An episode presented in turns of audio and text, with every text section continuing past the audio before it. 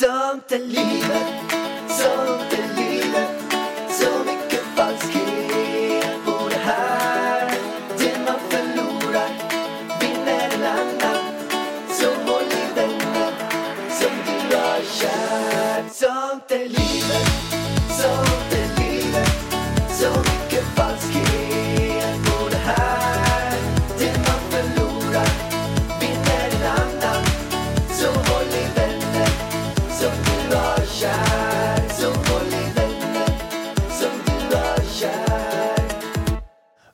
Varmt, varmt välkommen. Eller vad säger du Ida?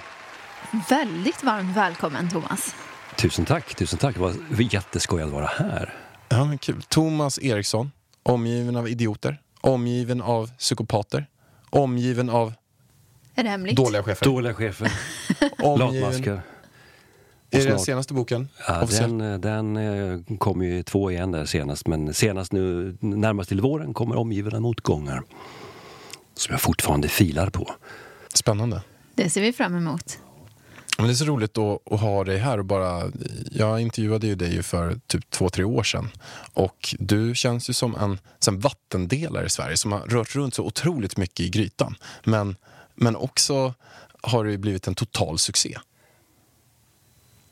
Vi stannar vid det senaste där tyckte jag. det, det lät mycket trevligare. ja. Nej, jag vet inte. Jag får ibland den här kommentaren, hur känns det att, att, att ha ja, rört runt i grytan? Eller, men det, grejen är, det där är så fascinerande. Jag förstår ju vad du menar. Nå, de flesta tycker att det är jättekul det jag gör och de är fascinerade av att lära sig om sig själva och om andra människor. Det är ju ändå det vanligaste. Men så finns det en handfull människor som är djupt upprörda och alla har rätt till sin åsikt. Man har rätt att vara kritisk, jag säger ingenting om det. Jag lär mig också av det. Så jag får skärpa mig i vissa avseenden så jag har egentligen inga synpunkter. Men vad som är så intressant är, jag får ofta frågan, hur känns det när det har blivit så här? Men grejen är att jag har inte tid att känna efter för jag jobbar alltså åtta dagar i veckan. Så jag, är, jag, jag vet inte alltid vad jag ska svara. Måste Men vad säga. är det de säger? Vad är de upprörda? Ingenting till mig. Jag har Nej, aldrig nej. mött någon som direkt till mig rätt i ansiktet sagt att det här var dåligt för att. Det läser jag om i, ja, i tidningar var det förut och lite på nätet och sånt där. Men, men eh, egentligen så jag har aldrig hört någonting till mig. Men, alltså. men stör sig folk på att det har gått för bra för dig? Eller vad är det folk stör sig på? Jag har ju hört flera stycken som har stört sig på. Och det verkar som, om jag ska bara grotta ner i allt, så är det på någonstans att många har kämpat mycket, de har gjort mycket, de har släppt böcker, det ena och det andra. Och sen så har du bara kommit in någonstans ifrån och bara, jag har hört någon grej så här, men han är ingen riktig beteendevetare. Det har varit en massa olika saker. Ja, det där var många frågor i en, Alexander. Grejen är den här, vad är det människor stör sig på och vad är det de säger att de stör sig på? Det är ju inte ens samma sak. Jag kan ju bara spekulera, men vad man, den, den offentliga, den, den officiella bilden är det att exempelvis de fyra färgerna, diskmodellen, som jag ju tog när jag skrev boken Omgiven av idioter, så valde jag ju någonting att skriva om så jag tänkte det här är ju ganska spritt världen över. Det här är säkert intressant. Om jag förstår mig på den och tyckte den här får man ju behållning av, jag väljer att skriva om den.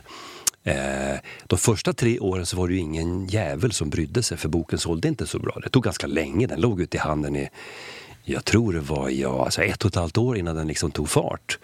Ehm, så under den tiden så gjorde det ingenting. Den fanns där, den låg där men sen så, ja, så, så såldes den och spred sig över världen och då blev några upprörda. När släppte du den? Jag- Jag släppte den sommaren 2014, i år är den sex år gammal. Om några månader är den sex år gammal och jag skrev den ju 2011 någon gång. Det var då jag fick ihop den där. Det tog rätt lång tid att sälja in den till, till förlagsbranschen för de sa att att det var en skitful bok, det var en korkad titel, det var ett idiotiskt innehåll, det var jag som var idioten, lägg ner det.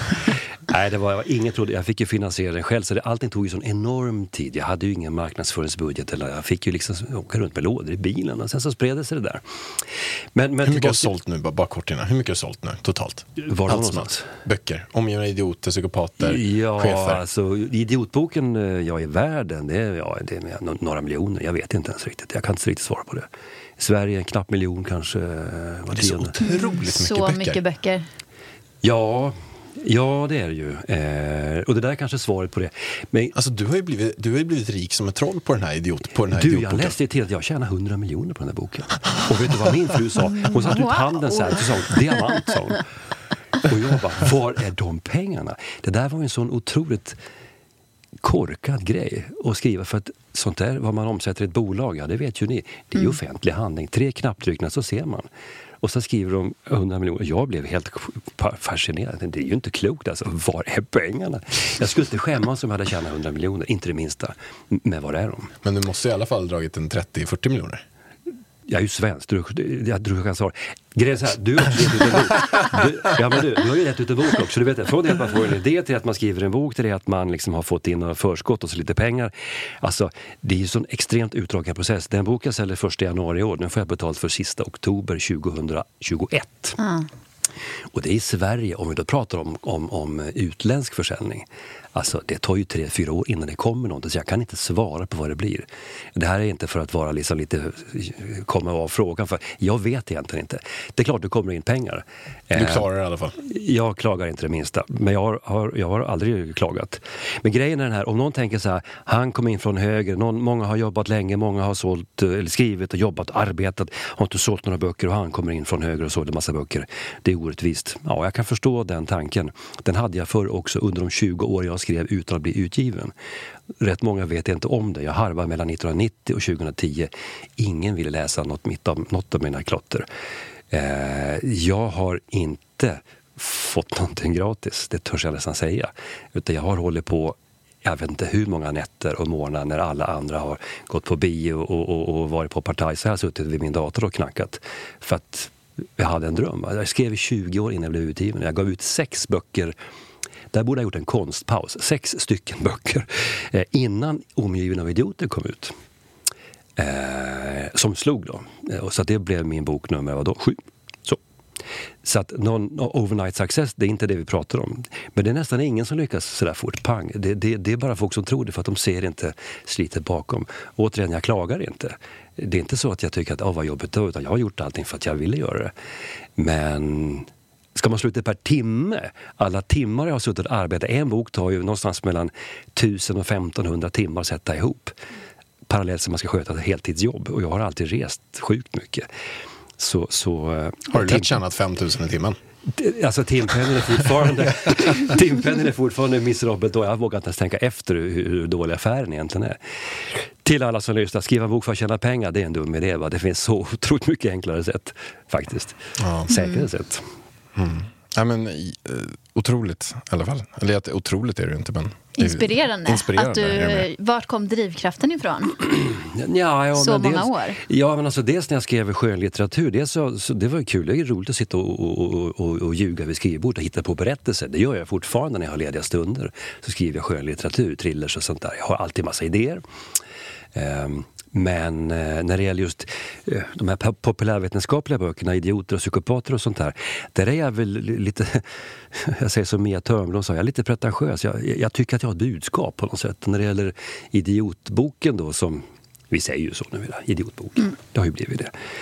Eh, Så, så där är det ju mitt budskap med den, det är ju inte att utbilda världen i fyra färger. Det var ju bara en metodik för att få människor att börja prata om hur man pratar.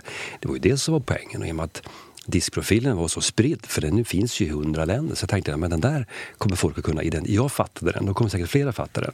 Det finns ju många mer, mycket mer avancerade metoder, absolut, men det hade blivit svårt att, att liksom säga, förklara dem i en, i en berättande form så att man orkar ta dem till sig. Så jag valde den här förenklade modellen. Jag tror att det finns en poäng med att man lär sig om hur man funkar tillsammans och hur man funkar själv. Och, Så intressant tycker jag. Men för de som inte har läst din bok och inte lyssnat på till exempel Framgångspodden när det var med. eh, Kan inte du berätta om de fyra färgerna? Ja, alltså diskprofilen den, den, den, den kan man beskriva. Det finns lite varianter på det, men den, den beskriver egentligen fyra eh, basingredienser som baserar sig på sakorientering, relationsorientering, extroversion, introversion. Och det är en förenkling av hur människor funkar, men det beskriver bara beteenden. En del människor säger så här, du får sluta med det där vet du, för att det där kan inte förklara någons personlighet.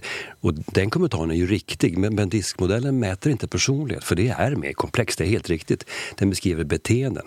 Och då frågar den, vad är det för skillnad? Jo, beteenden kan man se, de kan man höra.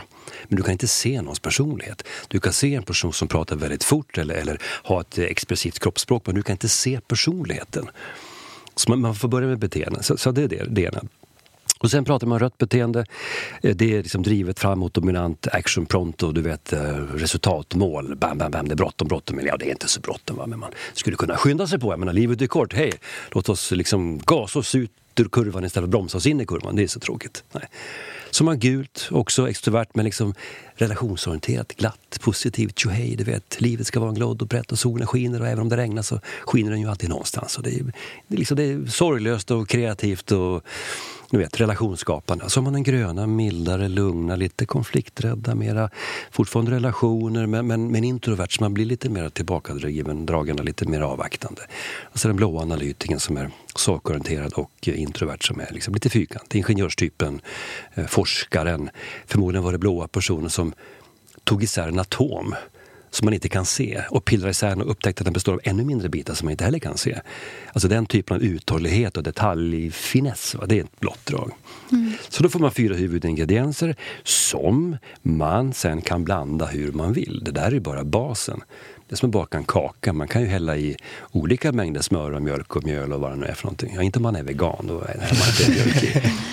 Jag har gått över dit också, vet ni det? Har du? Vad sa du? Jag har gått över dit också. Äter du växtbaserat? Ja, 100 procent. Wow. Av vilken Bra. anledning? Det var faktiskt eh, min frus grabbar som tränar extremt mycket. En är styrkelyftare och en är bodybuilder. De sa vi, vi prövar det här för vi tror att det är bättre. Och vi, alla mår bättre. Vilka jäkla grabbar. Ja, 16-18. Styrkelyftare och bodybuilder. Det är inga, det är inga sådana man vill springa in i. Hörru du, 16-åringen han eh, tog eh, SM-guld i sin klass i styrkelyft i helgen. Wow. Och Wow. det tycker han är pinsamt när vi säger det. Då. Grattis! Det är alltså min frus grabb, men jag är också väldigt stolt för att jag har ju sett honom liksom bygga upp sig och är extremt dedikerad. Men då blev vi veganer allihopa. Det här får ni förmodligen klippa om, va? Men, men jag kom på att tänka på det. För du har berättat eh, att ja, du, visst. eller ni är veganer. Ja. Ja. Men i alla fall, nej, tillbaks till livsprofilen. Då, då har man det där och då har man liksom en bas att utgå ifrån. Och det är liksom det boken då går ut på. Så beskriver den det fram och tillbaka, lite massa exempel och hit och dit. Ja. Men jag har alltid undrat, kan man vara både blå och gul? Oh ja. Kan man vara jättemycket blå och jättemycket gul? För de känns så himla motsats till Ja, varandra. alltså det är kontrahenter. Återigen, det finns ju inga regler som säger det ska vara på ett visst sätt eller man kan inte vara sån eller sån. Det finns vanligare och så finns det ovanligare kombinationer. Den ovanligaste kombinationen är röd och grön som ju också står rakt emot varandra. Så är det ju. Varför det är så, det är det ingen som vet det är inte viktigt utan folk är olika. Gult och blått är ju kontrahenter, de drar åt olika håll. Jag har själv en väldigt hög blå stapel. Jag har också en ganska hög gul stapel. Jag kan ju känna hur jag slits emellan liksom att vara positiv och utåtriktad och hej och samtidigt som man måste vara noggrann och liksom måste vi läsa alla papper här. Va? Så att, visst kan jag uppleva det men, men det är vad det är. Va? Det, jag tror omgivningen har mer problem med det där. Så jag dessutom en jättehög röd stapel så att jag är förvirrande i mångas ögon. Jag tror det. Sk- Skulle du bara nu för, för lyssnarna bara kunna dra igenom så ett exempel? Du har ju jättemånga sådana, men typ ett IKEA-exempel hur respektive tänker eller något annat exempel som du har. Så man får bara Ett. IKEA-exempel, sätt ihop en billig bokhylla exempelvis. Eller, finns det fortfarande? i- Ja. S- Sätt ihop en IKEA-möbel. Ja, tar vi en röd person. Sliter upp kartongen med våld, svär över att det är så förbaskat mycket tejp. Slänger beskrivningen åt sidan. Ah, det här fixar jag enkelt, det har jag gjort förr. Det har jag inte, men hur svårt kan det vara? Sätter ihop grejerna. Jag är klar först. Sju skruvar över. In med grejerna nu, upp med mormors uh, urna och sen så, så, så är det bra. Va? Pang, får vi se hur länge det här håller. Jag kanske tröttnar på det nästa vecka, vad vet jag. En gul person kommer hem i hyllan och snackar en lång stund. Och kolla vad fint, det kommer bli så fint. Vet du. Det kommer bli magiskt. Här ska vi ställa nu en billig hylla. Vi har en ny, eller nej det är en gammal design men, men det känns ju ändå nytt. Det, det är en ny nyans du vet. Sen pratar man jättelänge om att man ska montera den här hyllan någon gång.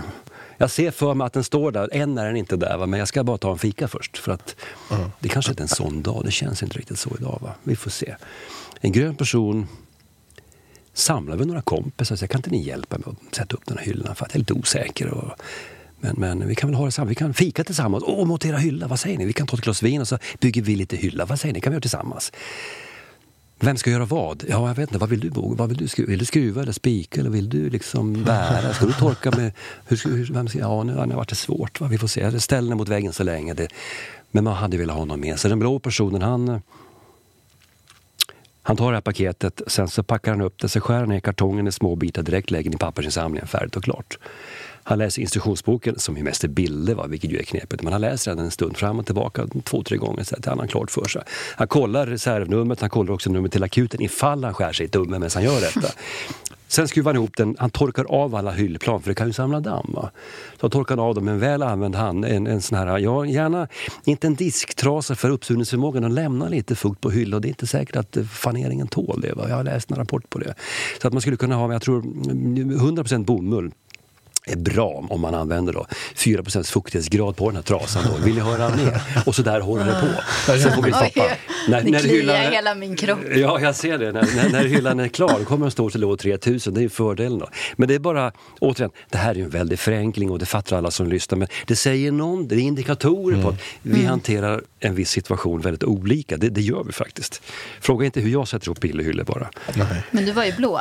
Ja, jag gör ju som det sista mest, va? Mest, mest likt det. Men jag blir Ja. förbannad när jag tar för lång tid på mig. Så att, eh, Men du vet vad Alex är för något va? ja.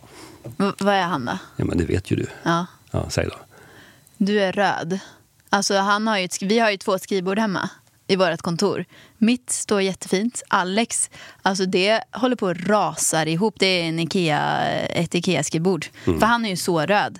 Han hade väl säkert sju skruvar över efter Vi- det där Vi skrivbordet. satte ihop det samtidigt och nu är det så, nu har det hänt någonting men jag har ingen aning Men om. du har ju aldrig kunnat veva med Så skrivbordet. nu har det, den ena sidan har bara rasat ner så jag blir tvungen att ha det absolut lägst ner för att den ena sidan har bara på något sätt pajat. Så när man vevar upp den så är det bara ena sidan som höjs upp så att det blir som en sån här jävla Så skateboard. bort, det är tur att du inte är så lång då.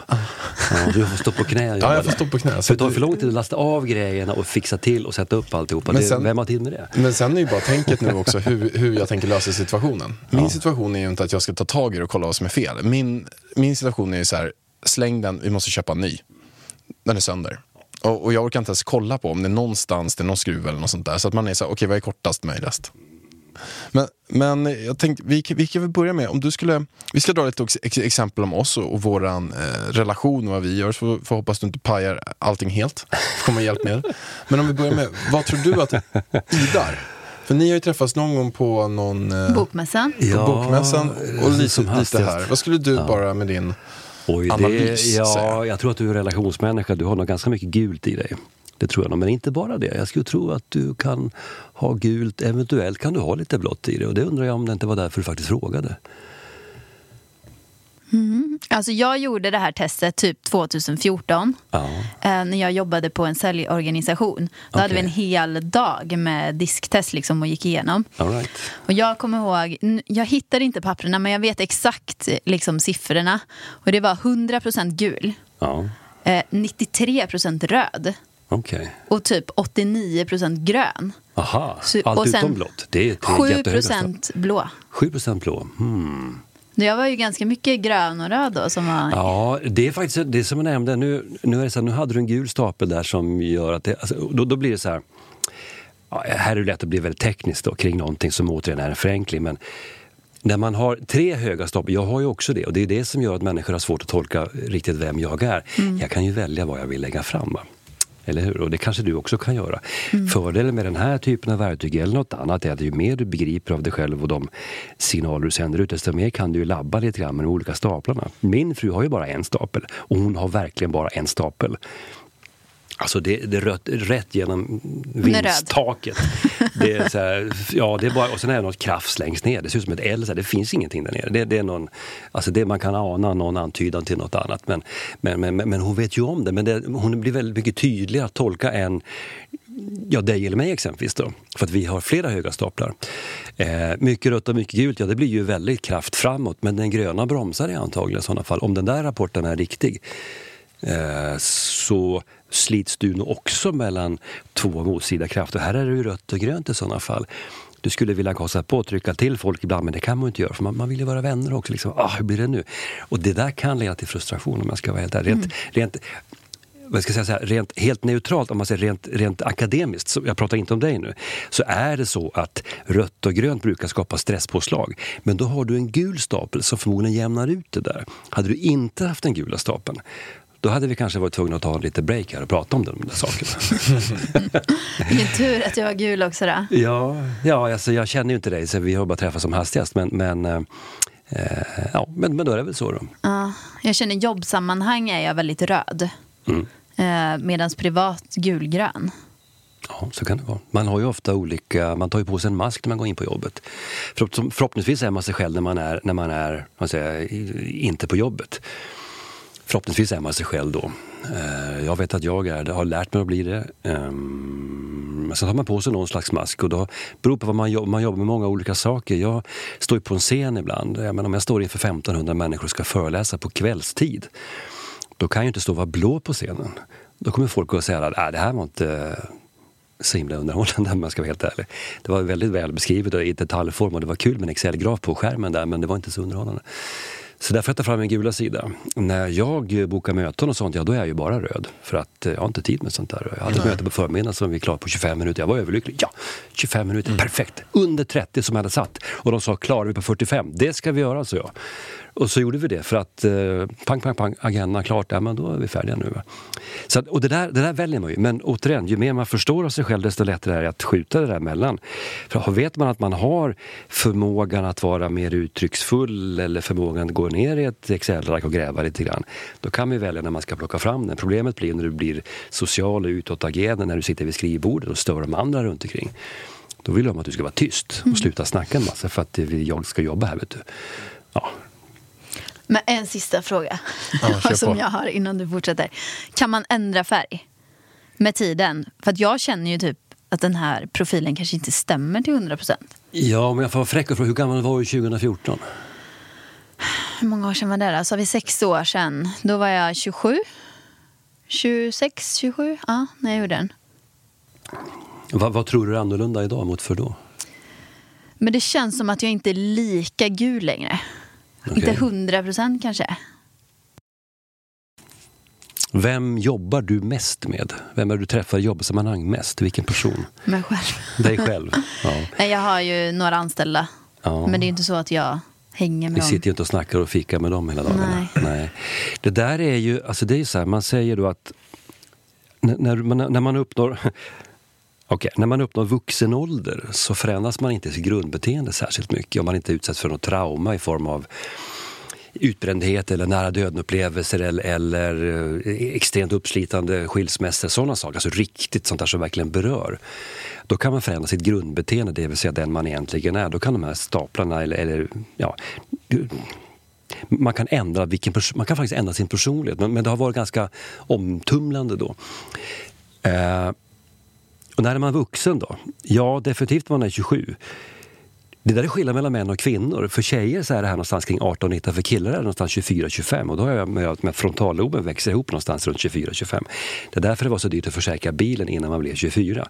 Särskilt om man var kille så var det ju hårresande. Va? Och det finns skäl till det för att riktigt unga män kan inte ta konsekvensbeslut på samma sätt. Alltså det här har med neurologiska, alltså det här är ingen, det här är ingen, ingen rykte, eller det har med att göra med hur hjärnan, hur den växer ihop helt enkelt. Va? Det är därför det är så bra att ta med folk i militären, när det är så här unga män, för att de har inget Nej, konsekvenstänk. men alltså det är mycket lättare att forma en ung person än, än, än en person som har uppnått ja, man säger, vuxen ålder. När det är, då är det klart det varierar enormt, givetvis. Det fattar ju alla. Men, men, så grundbeteendet är ofta, däremot det anpassade beteendet, det vill säga den rollen man tar på sig när man exempelvis går in på ett jobb, den kan förändras i takt med att jobbet förändras. Så har det varit i mitt fall definitivt. Och så är det förmodligen i ditt fall också om du var en säljare för sex år sedan, för du sa att det var en säljorganisation. Ja, då var du ute och knackade dörr kanske eller lyfte luren och du skulle liksom skapa affärer, möjligheter att öppna dörrar och ja, då var du tvungen att vara eh, Ja, extrovert, du var Ja. tvungen att vara en relationsmänniska och du var liksom tvungen att hej, hallå, tjena vad trevligt, här kommer Ida, vet du. Jag har ett så bra förslag, vet du. det går inte att sitta och humma kring det. Va? Nu jobbar du huvudsakligen med dig själv. Och du måste inte sitta och samtala med dig själv. Då är det ganska naturligt att den gula stapeln går ner. Så det är helt logiskt. Vad som gäller dig utanför jobbet, det vill säga som den privata i dig, det har jag ingen aning om. Nej, Det- den är nog mer vet samma, ju, Det vet jag ju din man här däremot. Han vet ju det. Och då leder vi in det på nästa grej. Jag tänkte så här Yes. att vi ska dra lite saker nu. Jag kommer ta lite saker om Ida och sen kommer Ida ta lite saker om mig.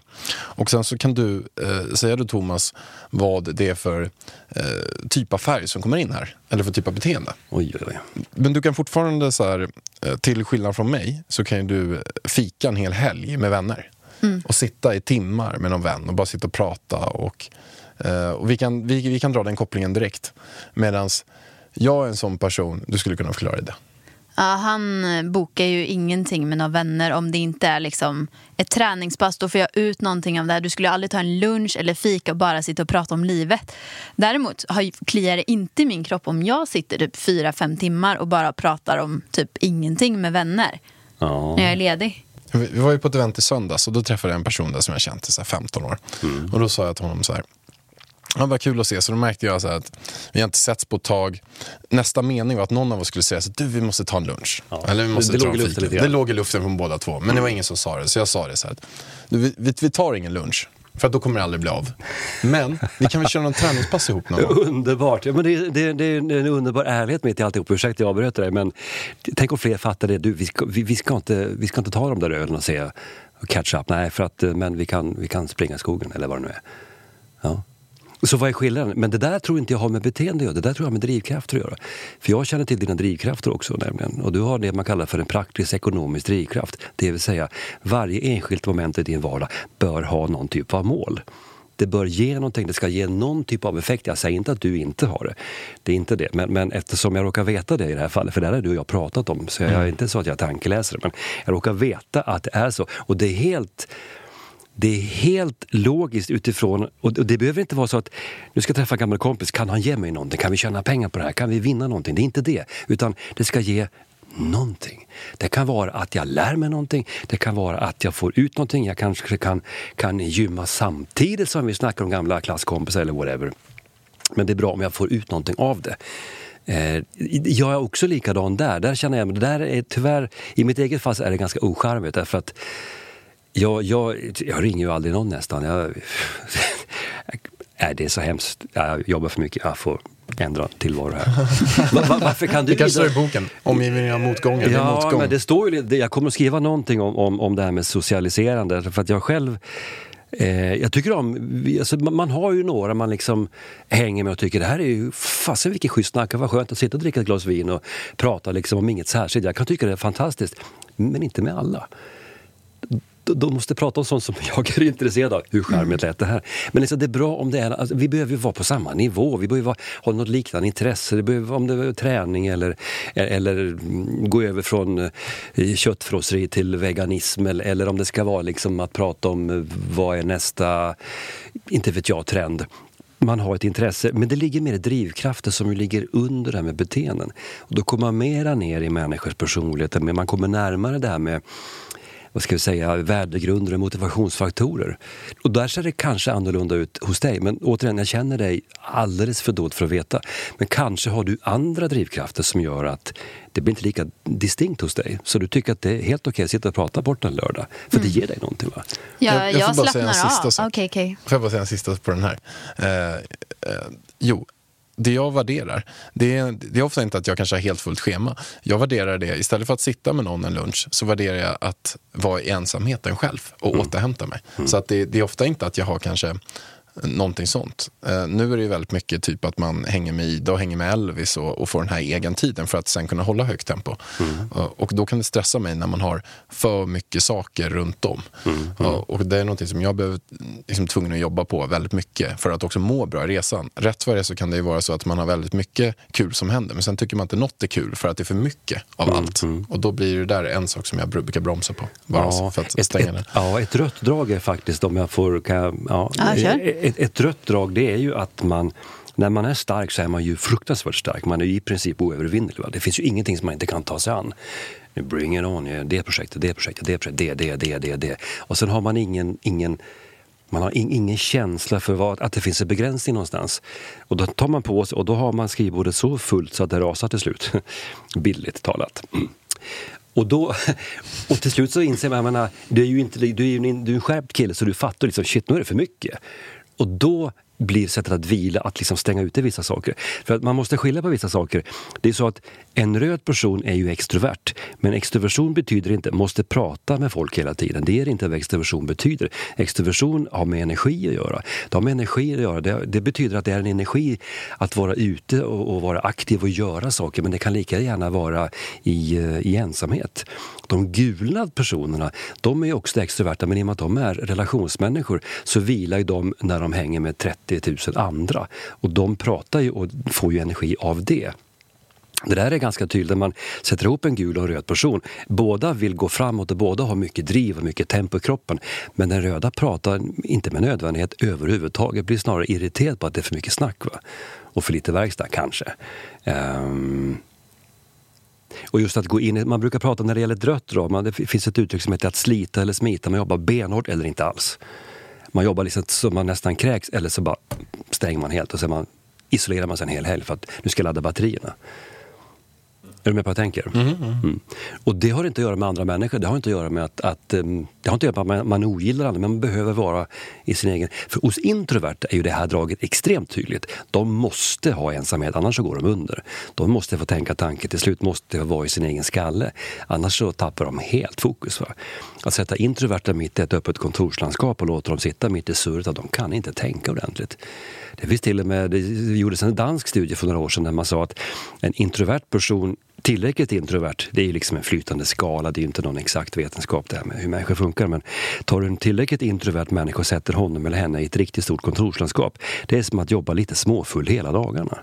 De förlorar sin skärpa. Va? Mm. Eh, och man kan ju skämta om det där, men, men jag har ju träffat galet mycket introvert. Jag har ju människor på föreläsningar med handuppräckning. Vem är introvert? Ja, det är ungefär halva gänget. Det är ungefär så det brukar se ut. Då frågar jag, känner ni igen och då, då viskar 500 personer, ja så är det. För att titta inte på mig va. Och de extroverta ropar, det borde inte vara så. Nej, men det är fortfarande så. Men fortfarande just det här socialiserandet, det ligger mer i det gula draget. Och jag värderar ju mina vänner väldigt mycket. Liksom, att jag, jag återhämtar ju mig själv när jag hänger med dem. Mm. Så att det är väl därför. Min gröngula sida, så jag känner typ inte av den röda när jag Nej, det kanske är så att ditt grundbeteende, det vill säga utanför ja. jobbet, är mer relationsorienterat och i jobbet så lyfter du fram mera sakorientering, det vill säga den röda stapeln åker upp och det är inget konstigt med det där. Det är, alltså, vi, vi tar ju på oss olika roller för att det funkar bättre. Mm. Det, det, det är inget uh, udda alls, utan det där tror jag alla gör. Uh, det finns ju poäng med att förstå när man gör det ena eller andra så att man liksom trivs i den roll man tar på sig. För det finns ju de som gör tvärtom, de tolkar helt fel och så går de åt fel håll när de går in på firman och försöker bli någonting som de inte alls är. Det, det, nej, det avråder jag från. Det blir stress. Då kör vi sista på Ida då. Eh, du svarar ju extremt sällan i telefon. Dock när jag ringer brukar du eh, svara. Mm, Ofta. Jag är en av få som du svarar på. Men, men det är fortfarande att man, man kan få ringa några gånger. Men, eh, och du tycker att man ska ta, du kan nästan, du kan bli irriterad på människor som, som ringer. För att du tycker direkt att det där borde man kunna ta på sms. Jag tycker det tar för lång tid ja. Massa lullulsnack liksom.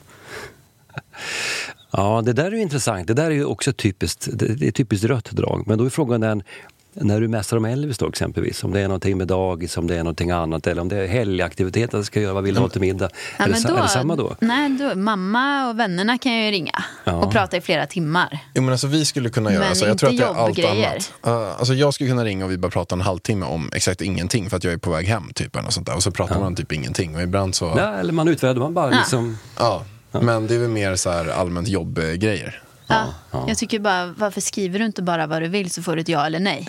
Ja, men då har du en tydlig, medveten eller omedveten, det var ju ganska roligt. Det är väldigt tydlig distinktion mellan vad är socialt liv, privat och så vidare och vad är jobb. Jobb fattar det kort och mm. lämnar rummet.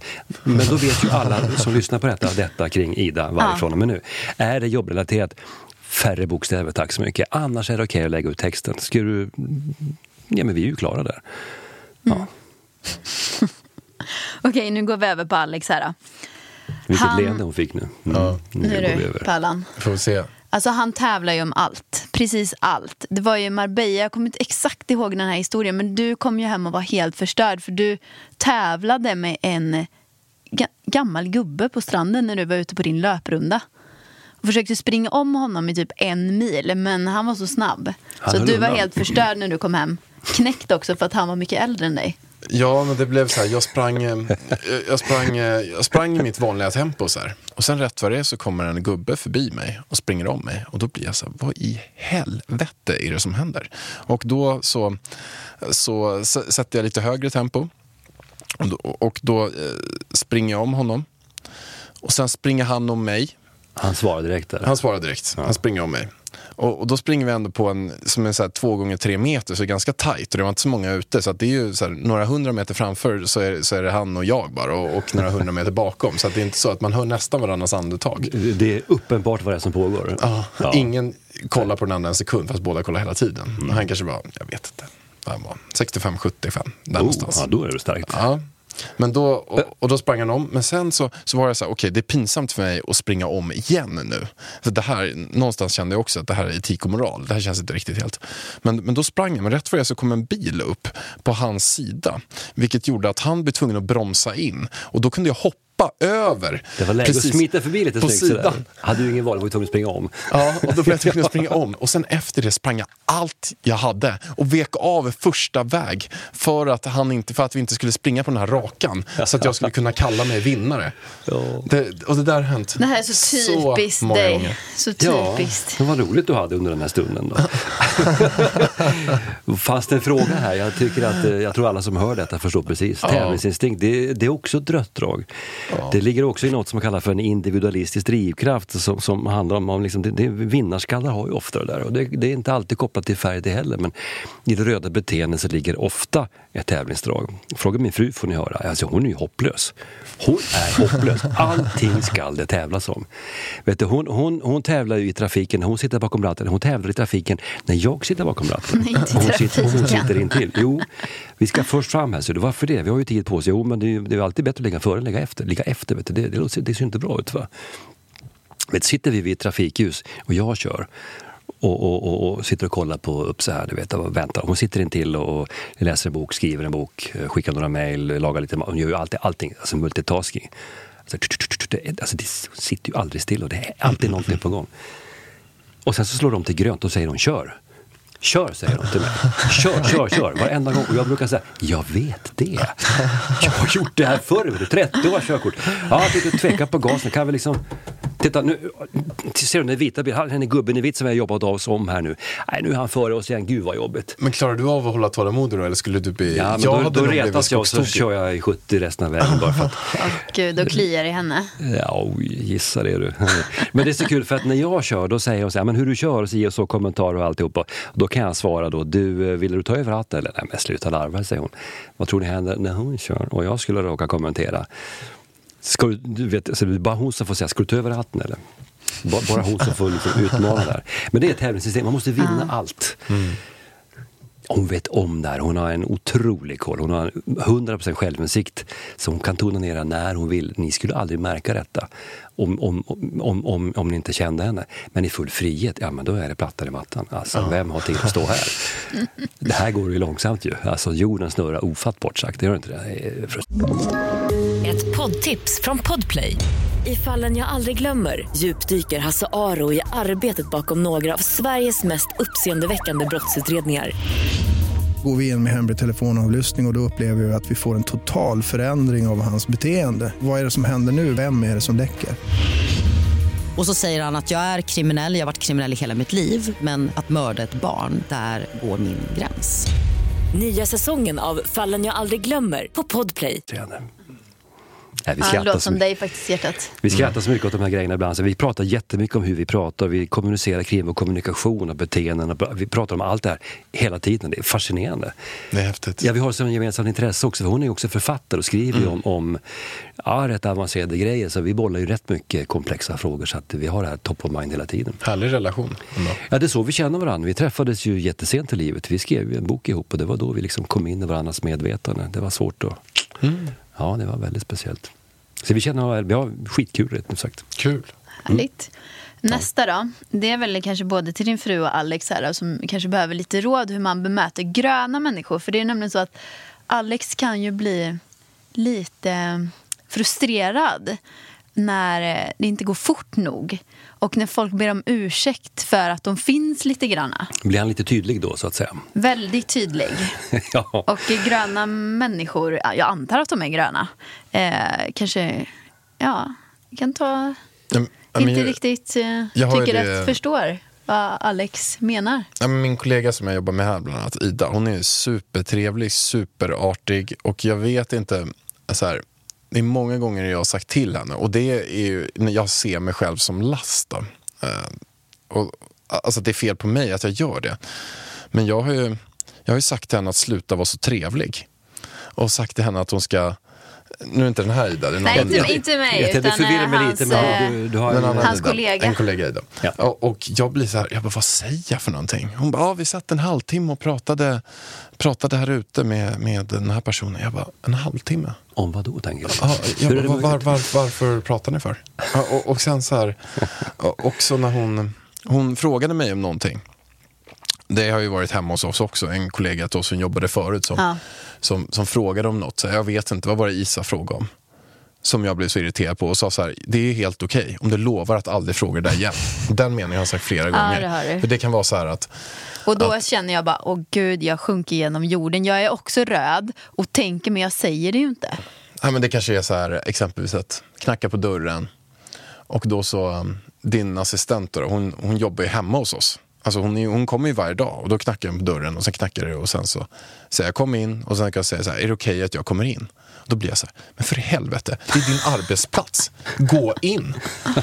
Fråga aldrig igen om du får komma in. Det är bara att gå rakt in. Jag sa ju kom in dessutom. kan jag komma in? Alltså, är det säkert? Kan jag få skriftligt? Ja, alltså... Alltså man stör sig på folk som, det kan jag ha, och jag vet ju att det är bara en grej som en last för mig själv. För jag tycker inte att jag är mitt trevligaste jag. Men jag kan störa mig på folk som ber om ursäkt för, för sina liv. Mm, ja. Är det gröna som gör det eller? Ja, hörru du, alltså det, det, det blir så mycket spekulationer. Jag vet inte om jag borde ge mig in i det egentligen. Men låt oss anta att det är en grön person. En annan röd person ber ju dig hålla käften. Skärp dig, vad är det här för någonting? Du vet, och så är saken ur världen, det spelar ingen roll. Vi kastar lite skit på varandra så är vi färdiga. Ja, enkelt. En gul kan ju bli lite småkränkt i några minuter men borstar snabbt av sig för att de, kom, de glömmer ju bort den där situationen. Var jag i det mötet? Jag minns inte. Och de blåa de kan ju skriva ner och fundera och analysera, säger förmodligen ingenting. Låt oss anta att vi pratar om gröna personer, så kommer de ja att reagera negativt på det du precis har berättat. Därför att det inte är så man gör. Utan man ska sitta ner, man ska vara artig och vänta på någon annans tur, man ska bjuda in, man ska inte hetsa, man ska inte säga saker som fråga aldrig mer om det där. Speciellt inte med den rösten och liksom en blick, Nej. speciellt inte om man är storvuxen. Då ska man också vara försiktig för att de kan känna sig hotade. Inte för att det finns ett hot, utan för att det blir, bara en, det blir en antagonistisk stämning. Eh, vad är rätt eller fel? Ska man aldrig kunna sätta ner foten och säga detta gäller? Självfallet. Men eftersom frågan var hur reagerar de gröna? Så blir det nog, så skulle jag nog säga om du känner för det så skulle du kunna... Vad jag brukar göra i sådana lägen, det är lite, så här, lite preventivt, så brukar jag säga så här, ja, ibland när jag har ont om tid så kan jag bli lite kort i tonen. Då kan det låta så här och så här. Det är ingenting jag vill att personligt. Jag ber gärna om ursäkt om jag trampar i klaver. För jag vill inte liksom, trampa någon på tårna, för det vill jag inte. Jag vill att man ska vara hänsynsfull och visa respekt och alltihopa. Men om det är så att jag har gått för långt och det har blivit lite kort och jag svarar OK på ett jättelångt sms. För att jag hade egentligen inget svar alls, men jag svarade OK ändå för att man skulle svara någonting. Ja. Så det handlar inte om dig, det handlar om mig. Ja, du vet. Men, Det men, men det, det är viktigt att man pratar om hur man pratar. Det är samma sak igen. Det är ju hela, om jag nu har något mission så är det ju det. Att ni snackar du och hon då liksom. Och det säger så, när jag gör såna här grejer, reagerar du på det alls då? Hon kanske säger, det skiter väl jag i, säger hon. Jag vet ju hur du funkar, jag tar inte det personligt. Och då är problemet borta. Har du frågat henne det någon gång någonsin? Ja, men jag har sagt faktiskt de sakerna, jag har sagt det till, till de jag jobbar med. Att ofta så kan det vara så här också att jag är en typisk nej-sägare. Att vad jag än får till mig så säger jag alltid nej först. Men sen om fem minuter så säger jag alltid ja. För att då hinner det, det, det automatiserade blir så nej, nej, nej, nej. Där, eh, där går inte. Och, men sen när jag får tänka på det i fem minuter så blir det så här, ja men då landar jag i det. Så att oavsett vad den är så säger jag alltid nej. Och det är nog eh, någon typ av försvarsmekanism eh, eh tror jag. Eh, för att jag kan känt att eh, eh, kanske hösten var lite för mycket under vissa perioder och, och lite sånt. Att det blir att man automatiskt säger nej bara för att det känns som att folk bara tar upp ens tid hela tiden och då mår inte jag bra av det. Nej, nej. Någonstans där tror jag. Ja, nej, men, men, men alltså, återigen, oavsett vad, vad man använder för språkbruk kring det hela, så vad funkar för dig, vad funkar för mig? Det är inte något konstigt. Men det misstaget som de flesta gör det är att de inte pratar om just hur man pratar. Hur, hur ska vi kommunicera? Är det okej att messa komplicerade instruktioner? Liksom, eller vill du hellre att jag ringer? Jag vill att du ringer. Okej, jag ska försöka ringa när jag kan. Du, ibland hinner jag inte för jag ska på ett flygplan eller någonting. Är det okej om jag messar i akuta lägen? Ja, det är okej. Alltså, det är inte så konstigt. Problemet är att människor inte säger vad de tycker, inte säger var de står. Att man liksom sitter och tiger och, och muttrar för sig själv och går runt och är tjurig i sex månader. För att det var ju ändå en konstig blick där i januari, var det inte det? Oh, jag tror att det var det. Va?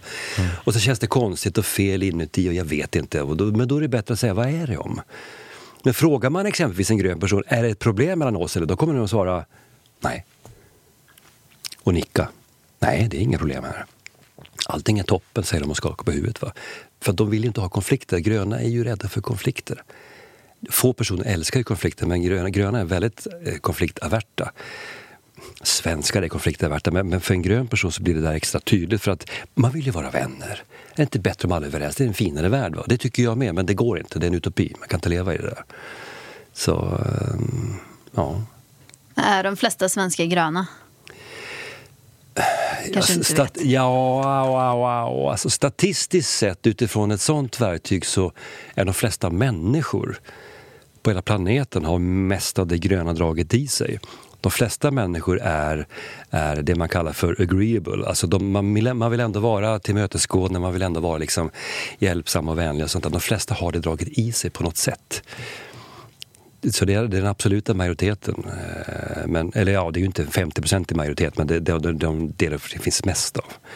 Eh, Men det är statistik. Det är inte säkert att när vi går ut genom dörren här att det är så de vi träffar närmaste dagar. Det vet vi ingenting om. Men det är bra att klara av att hantera det draget, särskilt om man vet att man har lite av det själv. Då finns det en poäng. Jag har ju nästan ingenting av det i mig själv alls. Det är troligtvis därför jag står upp. Därför att jag är inte jättekänslig av mig. Jag ser vad det står och analyserar, så lägger jag bort det. Jag kastar över bord, säger jag. Men hade jag haft extremt mycket grönt, då hade jag nog varit lite plågad vid det här laget. I den här, på det mm, stället i livet som jag befinner mig i. Men, men jag har inte det. Va? Men, men, men nu släpper du ju snart, eller, eller till, till hösten, en ny bok, Omgivningen av motgångar, när du skriver motgångar. Har du några tips på hur man ska hantera motgångar eller negativa människor? Om det är så att man hör folk snacka skit om en på arbetsplatsen eller där, eller, eller så här, hur man... Eh, när, när du själv har liksom grottat in i det här ämnet. Ja, så motgångar. Det första, nu är ju inte boken färdig, den kom faktiskt redan 27 mars. Tack för den gratisreklamen du gav mig där. Men, men så jag håller fortfarande och pillar med detaljer så jag kan inte säga jättemycket. Men, men generellt sett, så att hantera motgångar. Ja, vad är, så, motgång, det du pratar om nu, det är ju liksom lite eh, bullshitting på filmen bara. Vad, vad, ska, vad ska man göra med det om man hör någon prata strunt om en själv? Om jag, alltså grejen är ju den att det är ju jag kommer, kan inte erinra mig situationen när någon kom upp till mig och sa du vi gillar inte dig eller det du gör. Jag kan läsa mig själv på nätet hur mycket som helst men till mig är det inget. Jag har träffat några av mina argaste kritiker. De är jättetrevliga. Vi skakar hand och pratar om väder och vind. Det är inget problem alls. De har ingenting att säga till mig, uppenbart, när vi träffas. Om jag hör någon prata om någon annan, då har det mer med moral att göra. Varför snackar ni skit om Bosse? Vad är det för dålig stil? Vi tar in Bosse och hör vad han säger om det här. Eller sluta snacka skit om Bosse, det är bara dåligt. va? Bara dåligt. Varför ska du bete dig illa mot varandra? Vad är det här för någonting? Har du ingen skam i kroppen? Om du inte vågar säga en sak till en människa öga mot öga, då tycker jag du ska vara tyst. Det är inte säkert att man kan ringa kungen och be om ett möte för att tala om vad man tycker om monarkin. Jag förstår utmaningen. Men om du inte är beredd att, att räta på ryggen och ta bladen från munnen, så att säga, öga mot öga. Ah, då kanske du ska fundera på vad du säger om människor. För det är också så, och det känner alla inuti sig, att en person som snackar mycket skit om andra, han eller hon avslöjar mer om sig själv än om den de pratar om.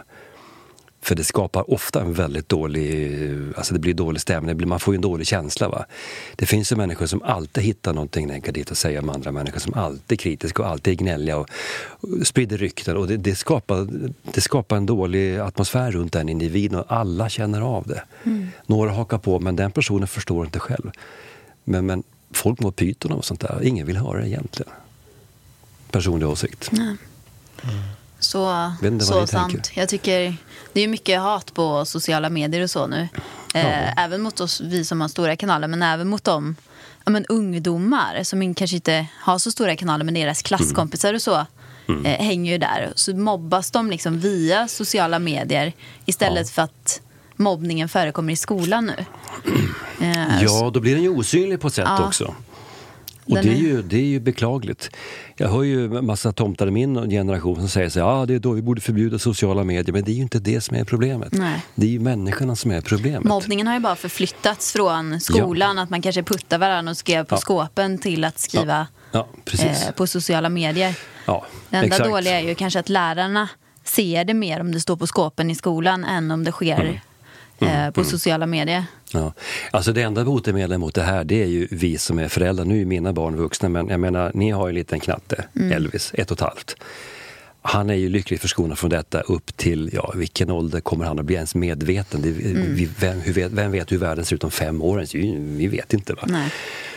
Men, men, men äh, frågan är om man är lyckligare före eller efter. Men, men grejen är ju den att det, det, det enda sättet att motverka detta, det är ju, och det här låter ju så traditionellt och så mossigt, men jag tror på det, det är att vi som är föräldrar förklarar för våra barn Ja, vi tar ansvar i vår uppfostran för att det här är bra, det här är dåligt. Och säga till, till, jag menar, som jag sa till mina kids, jag förstår att man inte kan vara överens om allting, men hej, gå och be om ursäkt om du har gjort bort dig. Min dotter exempelvis är suverän på det. Hon har alltid varit fantastisk på att knacka på dörren hos någon som det har blivit något gräl till och säga okej, kan vi prata liksom? Det gjorde hon hon var rätt liten.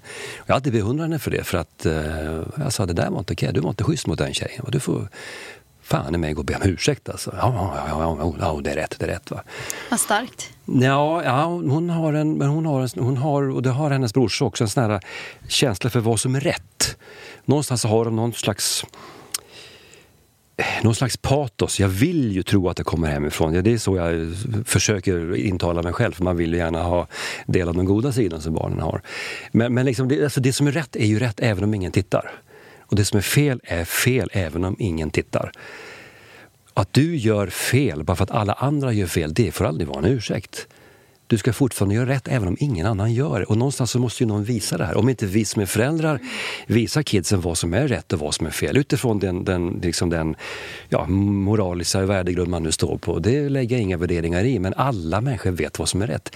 Alla vet att det är skitåt att mobbas. Men rätt många gör det. Vuxenmobbning med människor i 50-årsåldern liksom på en film.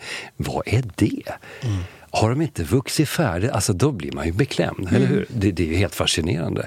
Man kan läsa i tidningen om situationer som är så håriga så man fattar ju inte. Hur kan du, och de här får rösta på riksdag och regering, man kan inte uppträda i kafferummet. Vad är det? Jag tycker det är dåligt. Personlig åsikt, men, men det är bara värdelöst. Håller med. Eller? Håller med. Vad tycker du? Vad tycker ni? Vad, vad säger ni? Nej men det är ju katastrof. Jag förstår inte hur man eh, dels kan skriva elaka saker på nätet och gå och mobbas i kafferummet. Jag har ju själv varit med om det, liksom både på nätet och i kafferummet. Eh, Jag själv skulle ju aldrig bete mig så, så jag förstår inte. Jag förstår bara inte. Jag har svårt Nej. att förstå var, varför man lägger så mycket tid och energi på andra människor. Ja, det är också intressant. Må, jag tänker ju direkt så här, mhm, de har för lite att göra. Ja, det där är ju intressant. Alltså, jag, ja, nu är vi på något intressant. Grejen är, varför, vad är orsaken bakom överhuvudtaget? Det är ju så här, varför, det där är ju en form av klagan och gnälla och liksom miss, uttrycka missnöje. Det är ju så här, det finns ju människor som klagar på sin partner. Det gör det. Och en del partners för, för, för, förtjänar negativ kritik och så vidare, andra gör det inte. Många gör det förmodligen inte, men de får gnäll på sig ändå. Om din partner, nu pratar jag generellt till alla som lyssnar, om din partner vore den sista människan på planeten, då skulle du inte klaga på den personen. Du skulle vara överlycklig över att hon eller han fanns. Eller hur? Att du gnäller och klagar på en annan person, det måste ju betyda att du tror att det någonstans finns ett bättre alternativ. Om det är din mamma, eller om det är din, din, dina barn, eller om det är din partner, eller om det är din chef. Det är ju det vanligaste av allt, gnälla på chefen. Han är så dum och hon var så okänslig, det är så mossigt alltihop och inga tydliga instruktioner. Gud vad dåligt. Det är för att du tror att det finns en bättre chef någon annanstans. Hade det varit den sista chefen på jorden, då hade ni tagit tag i det här och funderat över hur kan vi få det att funka lite bättre. Det finns en väldig logik i det. Och tyvärr när många människor klagar så är det egentligen sig själv man är missnöjd med. Det här kan vi fråga vilken psykolog som helst. I grund och botten handlar det om taskig självkänsla. Har du taskig självkänsla, det vill säga din syn på dig själv är ganska dålig. Du trivs inte med dig själv, du tycker inte att du egentligen förtjänar det bästa som livet har att erbjuda. Du tycker inte riktigt om vem du är. Då bankar du på andra eller så bankar du på dig själv. En del slår på sig själv, absolut, och säger att jag är så dum, nedvärderar sig. Och det är synd. Många slår på andra i syfte att göra sig själva lite större. Det är ju jättevanligt och tittar man på nätet. Jättevanligt. Ja, men gode gud. Alltså en människa som skriver hat och kräk och spyor om någon som de aldrig har träffat. Ja, Jag blir så fascinerad också att det kan vara så här långa kommentarer. så jag Långa bara, shit den här personen har verkligen lagt typ två timmar Ja, på av sitt liv. riktigt vidrigt. Ja, men vad, är- Snacka vad, skit om någon influencer som de aldrig har träffat eller någon politiker. Jag satt, eller... en, jag satt en sån diskussion i morse. Och det var så här en, en tokblå person. Som hade, jag hade med Food Pharmacy i, i Framgångspodden. Då, som är, eh, ja, de, de har sålt jättemycket böcker också. Ja, Eh, Jag träffar dem också. Jätteintressanta Ja, perspektiv på ja, de, saker och ting. Och de säger inte att de är några forskare. Och sånt där. De säger att det här, är, det, det här är det vi har testat i vårt liv och det tycker vi funkar väldigt bra. Mm. Men då, då finns det ett gäng som eh, är då, eh, som jag har fått så här, jag släppte av sig för några vecka sedan, som är så här jätte, jättepå att och jag har fått så här konstiga kommentarer. Hur kan du använda en plattform som eh, inte enbart har forskliga studier bakom sig? Alltså det är såna mycket, och jag får så här mängder med undersökningar, mängder med forskning skickat till mig. Och jag fick en person som skickade massa så här, och bara skällde ut mig för att jag hade det. Och då så skickade jag bara en, eh, en, eh, en så här emoji tillbaka. Men för jag märkte vad det här var för typ av person. Som är så här, skrivit jättelångt, refererat till två olika studier så här, och och ska skälla ut mig. Skicka bara med så här, en emoji med naglar så här. Och tillbaka. Så provocerande. Ja, och då skickade Du han till visste vad mig. du gjorde? Ja. Ja, då skickade han till mig igen. Ja, med det där svaret så förstår jag att du, du har inga åsikter som går emot dem. Här har du, så skickade han en till studie och allt sånt där. Då skickade jag bara ett spöke tillbaka till han som var så här med, med tungan ute så här. Det var det att han förstod inte det där kan jag tala om. Men gre- grejen, grejen är här, alltså Alex, alltså, det, här, det här är ju så fascinerande. Oh, jag, jag känner mig varm i skjortan här. Var ska, var ska jag börja? Ja, men, man blir, man blir, men, men samtidigt så här, det, det är fascinerande, oroväckande och på något sätt rätt så knäppt. Alltså, om man tar det här med allt det måste vara baserat på forskning. Vi får ju otroliga problem. Nästan ingenting det vi gör i vardagen är baserat på forskning. Vi lever efter gravitationslagen, för den har de ju visat att den finns. Släpper ut glas i golvet så åker det i backen, och är i luften så åker det i backen. Och så det, det får vi leva efter. Men, men, men, Ganska men, mycket men man inte forskat på än. Det, det, men det är rätt mycket man inte har, man vet ingenting. Jag menar, tar man det här med psykologi. Jag får ju höra ofta, ja men det där det är, inte, det är inte baserat på forskning och det är inte tillräckligt starka vetenskapliga belägg för det. Alltså det är ju korrekt, men människor är ju inga laboratorieråttor. Det mesta om hur vårt psyke funkar har vi ju ingen aning om. De som vet mer och mer nu, det är ju hjärnforskarna. De vet ju mycket om det som psykologer har försökt att jobba fram under hundra år. När de här lär sig att samarbeta, då tror jag vi kommer att få verklig kompetens. Men under tiden, vad ska vi göra? Om jag ser någon person som, som slår ner blicken när jag höjer rösten, så säger det mig någonting. Och livserfarenhet har faktiskt en viss betydelse här. Man kan tolka det, man kan välja att gå på hårdare, man kan också välja att backa för att jag vill ju inte såra någon. Va?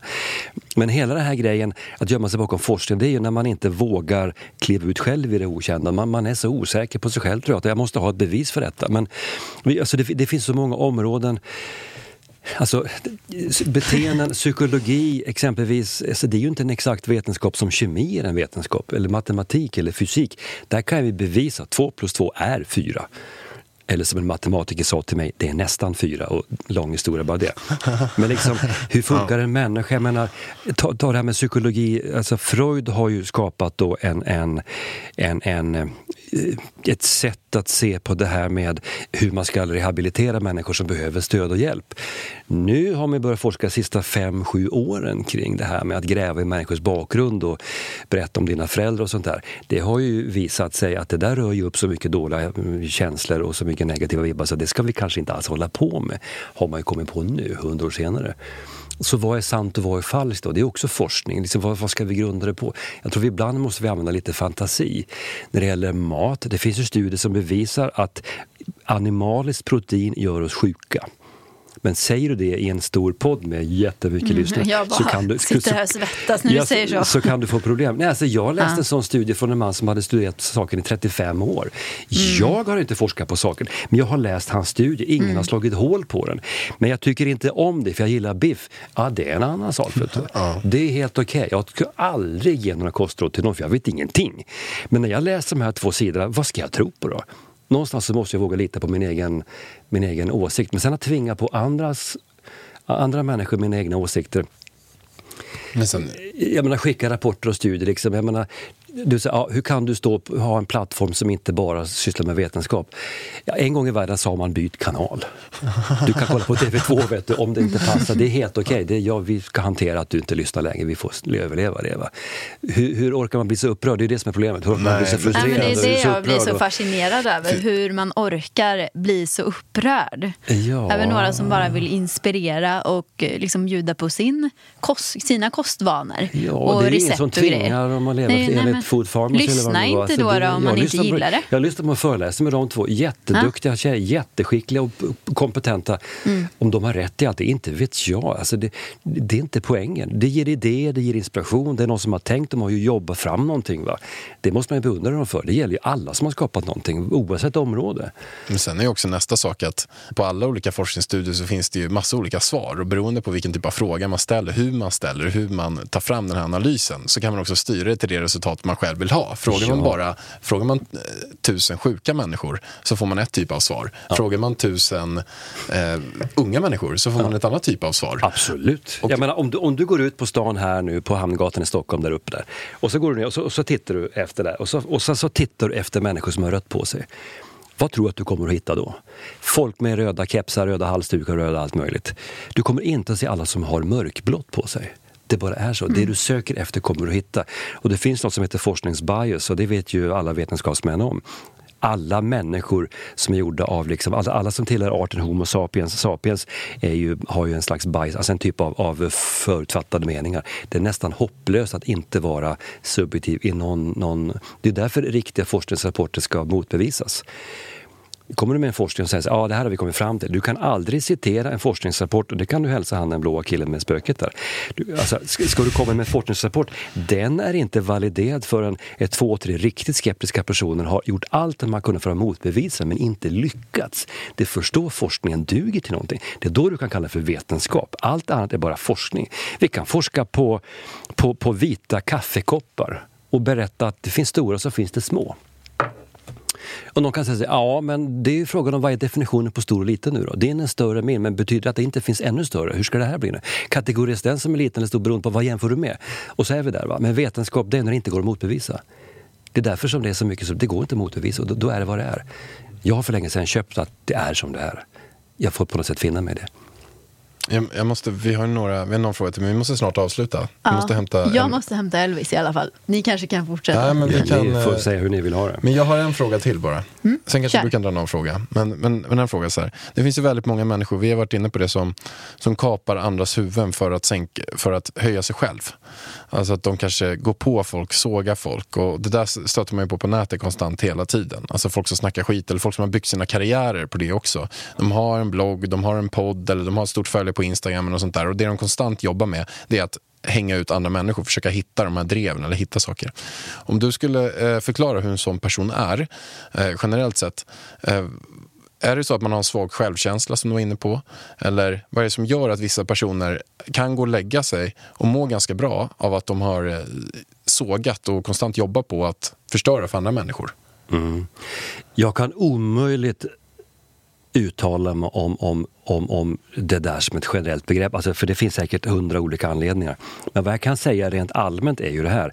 Om du, alltså det finns två skäl till att människor gör det de gör. Det finns det verkliga skälet och så finns det skäl som låter bra. Och det där är sällan samma skäl.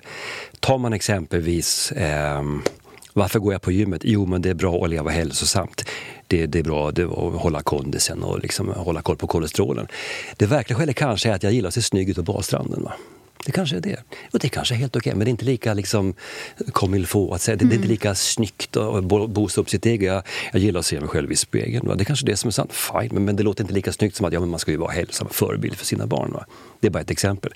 När människor trakasserar varandra på nätet och gör ner varandra och verkligen förstör för varandra, alltså verkligen förstör. För det finns ju, jag vet att ni har råkat ut för massa riktigt otrevliga saker. Jag kan bara beklaga, jag har också det. Eh, men, men dels får man väl acceptera att det är en sån värld, men när människor väljer den vägen, för det är ett aktivt val. Jag hade inget annat val, så jag var tvungen att säga som det var. Nej, det hade du inte alls det.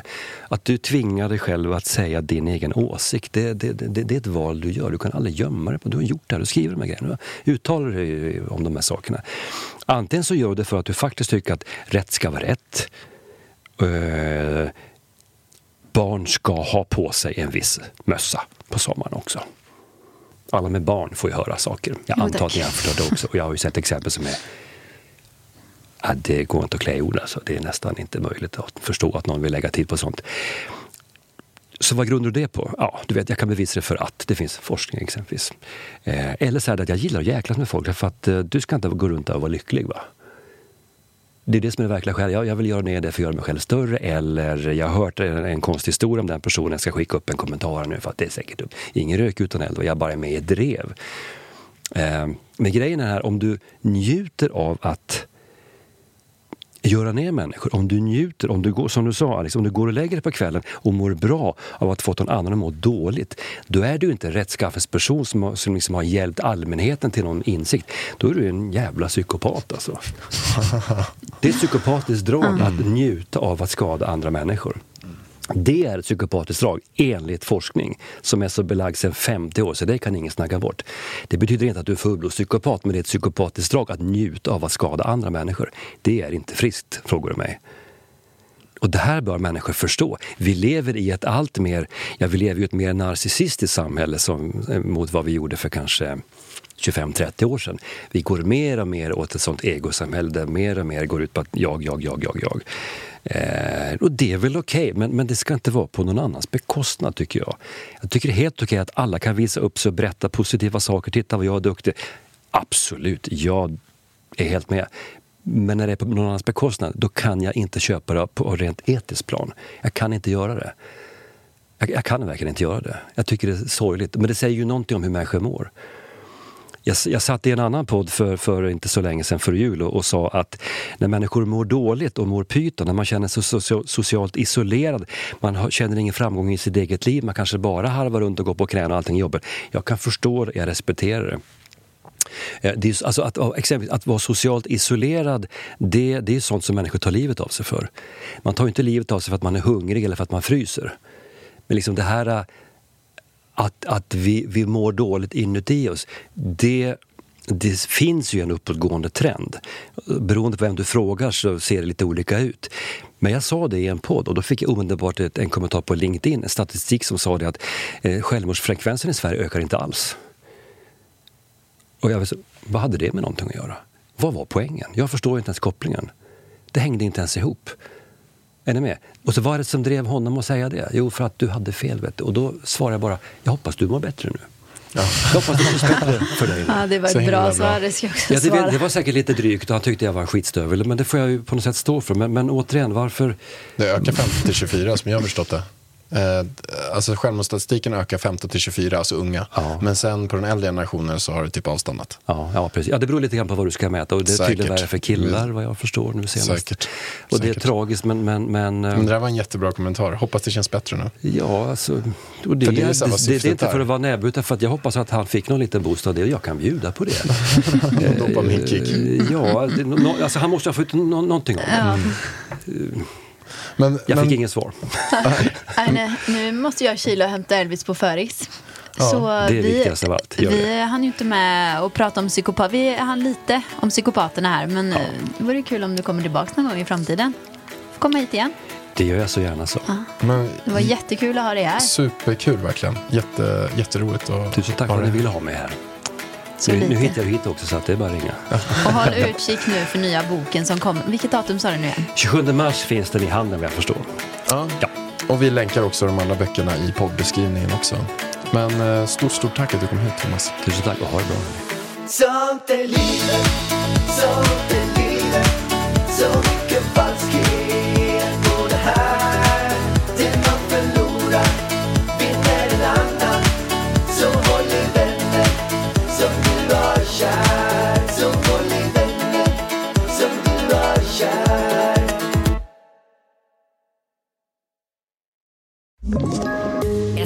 poddtips från Podplay.